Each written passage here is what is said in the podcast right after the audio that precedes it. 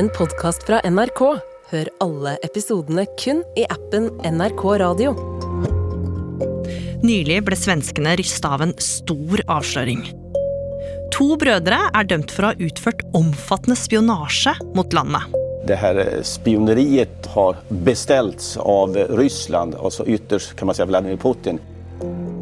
En av dem, en høyt betrodd person i sikkerhetspolitiet, skal i årevis ha lekka topp hemmelig informasjon som kan skade rikets sikkerhet.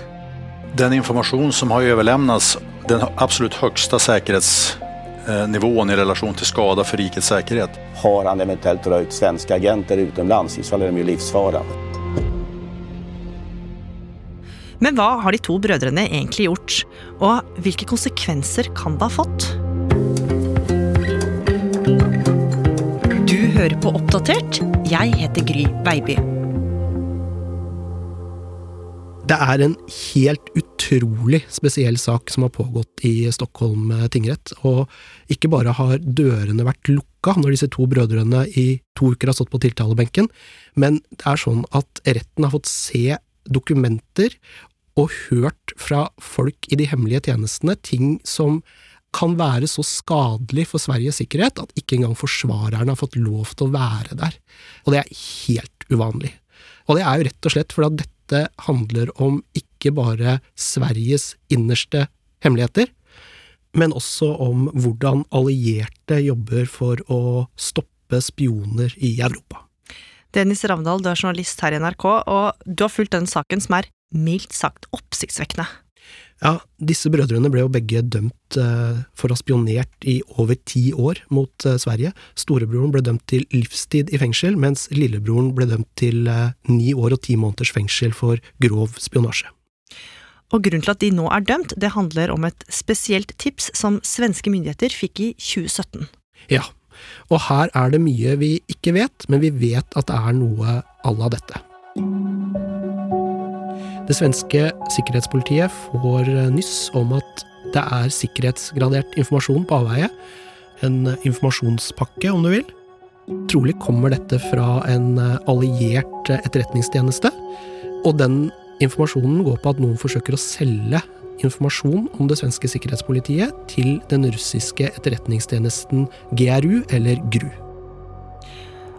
Det må ha en ganske stressende beskjed å få, for om det stemte, så kunne jo det få store konsekvenser for landets sikkerhet. Så nå gjaldt det å finne ut av hva som hadde blitt lekka, og ikke minst hvem som hadde lekka det. Det de får beskjed om, er at noen er ute på si, etterretningsmarkedet og selger en uh, informasjonspakke om uh, det svenske sikkerhetspolitiet. Og det som har blitt tilbudt til uh, denne GRU, det er helt sensitive opplysninger som er en gullgruve for utenlandsk etterretning.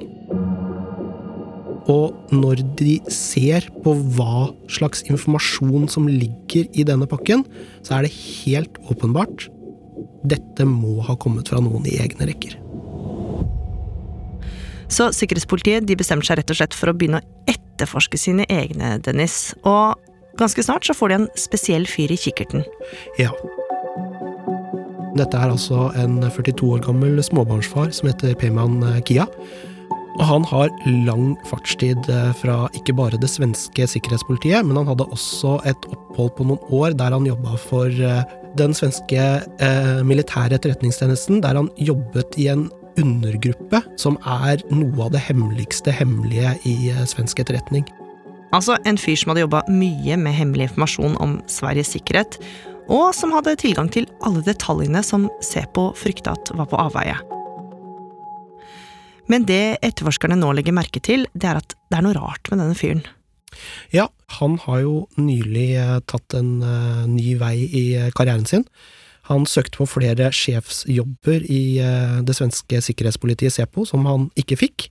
Og da sa han opp jobben i hovedstaden Stockholm, og så begynte han i det svenske mattilsynet, som ligger i Uppsala. Uh, det er en stilling som han egentlig er svært overkvalifisert til. Og så ble han da etter hvert sikkerhetssjef i det svenske mattilsynet. Og når de får fot for at han potensielt kan være den som står bak den lekka informasjonen, så trenger de bevis. Og nå bestemmer de seg for å følge enda nærmere med på han. De nedsetter en hemmelig gruppe og begynner bl.a. å se på økonomien hans. Og der finner de noe suspekt. De ser at det har kommet rundt 130 000 svenske kroner på kontoen hans eh, året før. Og det er penger som de ikke klarer å finne noen naturlig forklaring på hvordan det havna der. Og dette er jo helt klassisk som man ser etter når man leiter etter eh, noen som eh, kan ha begått en forbrytelse. Og det åpner jo også opp for teorien. Kan dette være rett og slett betaling fra den russiske etterretningstjenesten GRU? Og det gjør jo at mistanken mot eh, Payman den stiger.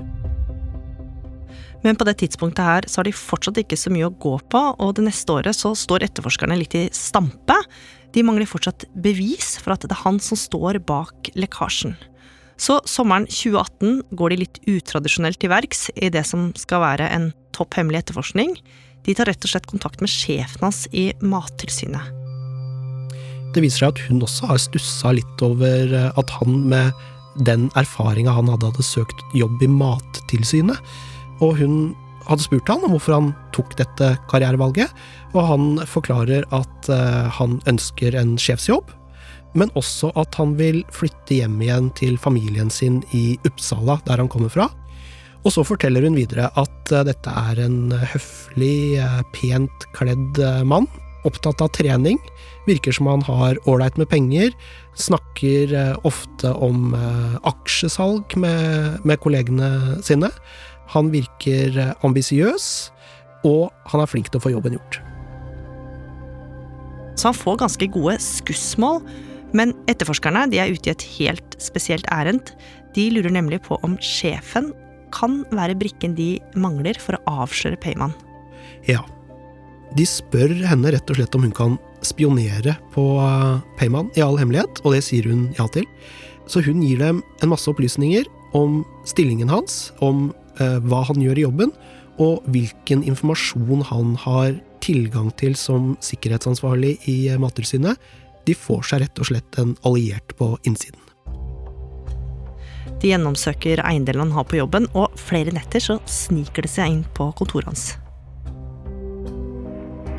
To netter på rad så kommer det etterforskere fra Sepo eh, listende gjennom lokalene til Mattilsynet med små pennelykter, og gjennomsøker både skrivebord og eh, arkivskap eh, for å se hva han har liggende der.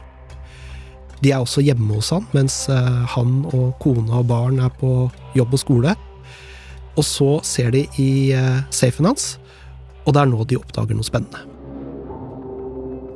Der finner de en ferdig utfylt oppholdstillatelse, søknad om oppholdstillatelse i Canada. Og det er jo rart, for hva skal han med den? Og det er her etterforskerne begynner å bli virkelig stressa, for er dette det første tegnet de ser på en mulig fluktplan ut av Sverige? Så nå veit etterforskerne at klokka tikker. De følger nøye med på alt han gjør, og snart så åpner det seg en mulighet til å sette i gang en større operasjon. Og det skal gi resultater.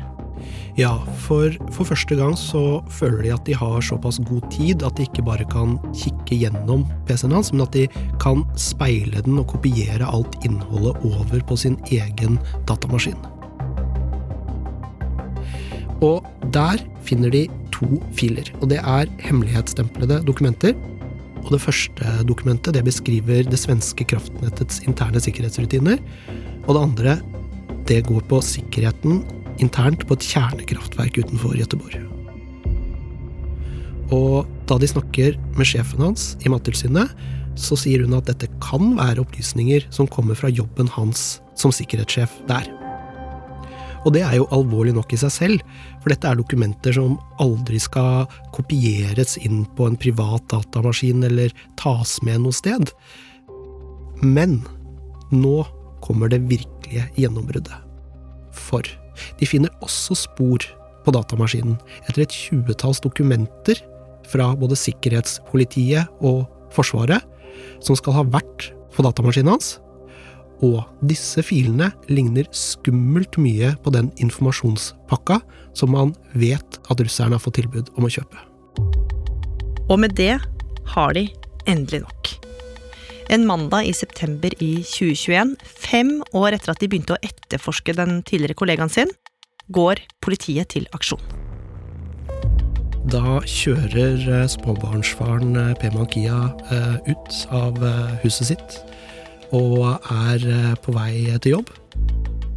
Det er en innsnevring like ved veien der om bord som gjør at bare én bil kan kjøre. Når han står der, så kommer det to politibiler, én på hver side. Ut spretter det som er beredskapstroppen da, i det svenske politiet, ut med våpen oppe og pågriper han så har de jo frie tøyler til å gå gjennom hele huset til eh, familien, og alle datamaskiner og mobiltelefoner og det som er der. Og fra før av så vet de jo at datamaskinen hans den er eh, gjort en masse ting med for å prøve å skjule spor og regelmessig slette spor. Men de har funnet at det har vært opp mot 15 eksterne harddisker og minnepenner som har vært kobla opp mot denne datamaskinen. Og nå har de jo frie tøyler til å gå inn i huset og leite gjennom alle kriker og kroker for å finne hva som ligger der. Og da er det noe som mangler. For det er flere av disse minnepennene og harddiskene som har vært kobla til datamaskinen, og som man mener har hatt hemmelighetsstempel av informasjon på seg, som ikke er der. Og her er det jo igjen mye vi ikke veit, fordi denne etterforskningen den eh, er jo eh, mye som fortsatt er hemmelighetsstempla, men det er i hvert fall grunn til å tenke at spørsmålet etterforskerne stiller seg, er om disse minnepennene er overlevert til russisk etterretning. Og nå skal omfanget av det Payman skal sittet på, virkelig gå opp for etterforskerne. Ja, fordi han sitter jo både på dokumenter og informasjon fra det innerste, innerste hemmelige i den det svenske etterretninga. Og det kan jo også være opplysninger om kontraspionasje, altså at han kan ha avslørt identiteten til Sveriges egne spioner i utlandet, og dermed ha satt både dem og de operasjonene de har i, i fare. Og etterforskerne står fortsatt med mange ubesvarte spørsmål, og mens politiet prøver å samle flere bevis, så begynner de også avhørene av Payman. Og hva sier han, Dennis? Ja, han blir jo stilt veldig mange spørsmål. Samtidig så er jo dette en fyr som vet hvordan man skal oppføre seg i et avhør, da. Han sier jo så lite som mulig. Han sier at han har ikke gjort noe galt. Han uh, har ikke gjort noe straffbart. Han har uh, prøver å komme med forklaringer som er uh, liksom, tilforlatelige på alle spørsmåla som politiet har. Og mens Payman sitter i avhør, så følger Sepo med på omgangskretsen rundt ham, for de har jo allerede begynt å fatte mistanke om at han ikke jobber aleine. Ja, for eh, Sepo de har allerede spana på lillebroren eh, til Payman i lang tid. Og samtidig som de gjør det, så sprekker nyheten over hele Sverige. Den 20 september slog Säkerhetspolisen till mot en högt uppsatt myndighetschef hemmahörande i Uppsala. Mannen som är i 40-årsåldern hade tidigare jobbat inom både Säkerhetspolisen och Försvarsmakten men nu greps han misstänkt för spioneri. Mens pågripelsen av Payman blir kjent over hele landet, legger etterforskerne ekstra merke til hva lillebroren gjør. De ser at han eh, oppfører seg merkelig, og en dag som de er ute og følger etter bilen eh, hans, der han har moren i passasjersetet, så ser de at han svinger inn på en bussholdeplass, forter seg ut, ser ut som han putter noe inn i søppelkassa på, eh, på bussholdeplassen og kjører fort ut igjen. Og da løper jo denne etterforskeren inn, tar med seg hele posen, for han har ikke tid til noe annet.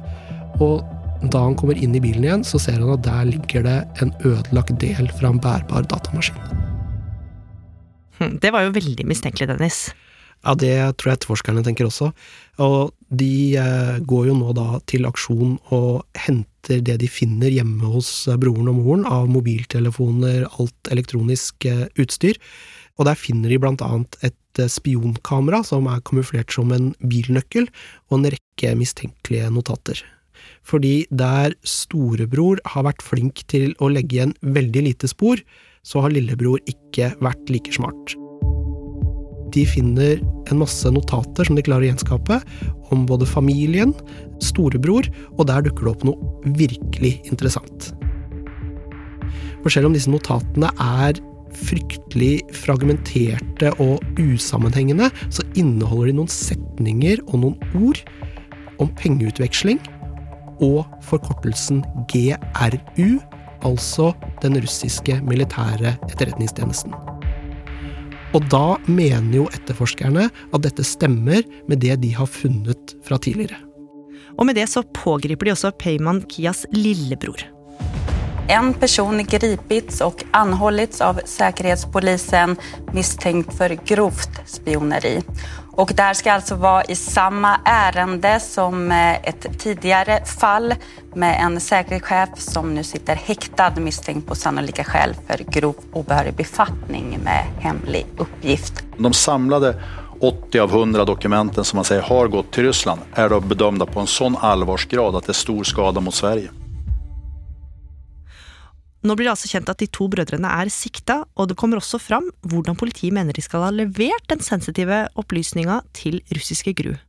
Ja, for ifølge SEPO så skal brødrene ha brukt blant annet offentlige toaletter til å overlevere informasjon og motta penger. Altså at de legger, for eksempel kan vi tenke da, en eh, minnepinne i eh, et hull i en vegg eller under en vask på et offentlig toalett, og så kan da en eh, russisk agent komme og hente det, og legge noe annet tilbake. Og det er jo en eh, velkjent metode i etterretningsverden som kalles for dead drops, eller døde postkasser. Og vi vet jo ikke, men det er jo nærliggende å tro at etterforskerne har en teori om at det er her de forsvunne minnepinnene eller harddiskene har blitt av. Og den 19. januar i år kom dommen. Tingsrätten dömer bägge bröderna eh, för grovt spioneri. Eh, Den äldre brodern döms til till livstidsfängelse. Den yngre brodern får fängelse nio år, tio månader. Enligt bevisningen har den äldre brodern, Peyman, fotograferat av dokumenten på jobbet för att sedan föra över de bilderna till en privat dator. Tingsrätten kan till exempel inte slå fast att dokumenten faktiskt tagits emot av Ryssland. Men det räcker med att den här dokumentationen röjs. Så känslig är informationen för att döma de båda bröderna. Retten mener altså at brødrene fra 2011 til 2021, altså i ti år, skal ha delt sensitiv informasjon med russisk etterretning. Begge nekter straffskyld. Men Dennis, hva skal motivasjonen deres ha vært? Eh, De sier jo selv ingenting om det, men det retten mener, er jo at dette kun er drevet av et ønske om å tjene penger. De mener at lillebror har eh, levert informasjon og fått penger, og han har fått 20% av summen for det, mens 80% av pengene som skal ha kommet fra russisk etterretning, de har eh, gått til Payman. Hvilke konsekvenser kan det de to brødrene har gjort, få for Sveriges sikkerhet? Ja, det er umulig å svare på, nettopp fordi at vi ikke vet. Altså, det er jo poenget med, med hele denne rettssaken, og alt hemmeligholdet rundt den er at det, de bevisene de har gått igjennom i retten, det er jo nettopp det som kan skade eh, både Sveriges sikkerhet og andre lands sikkerhet. Så vi kommer jo ikke til å vite alle detaljene om dette før om kanskje 20-30-40-50 år. Men det vi vet allerede, er jo at dette er noe som har bekymra eh, både den svenske regjeringa og, andre lands regjering eh, sterkt. Og igjen særlig sett i lys av hvordan verden har utvikla seg siden både 2011 og 2021.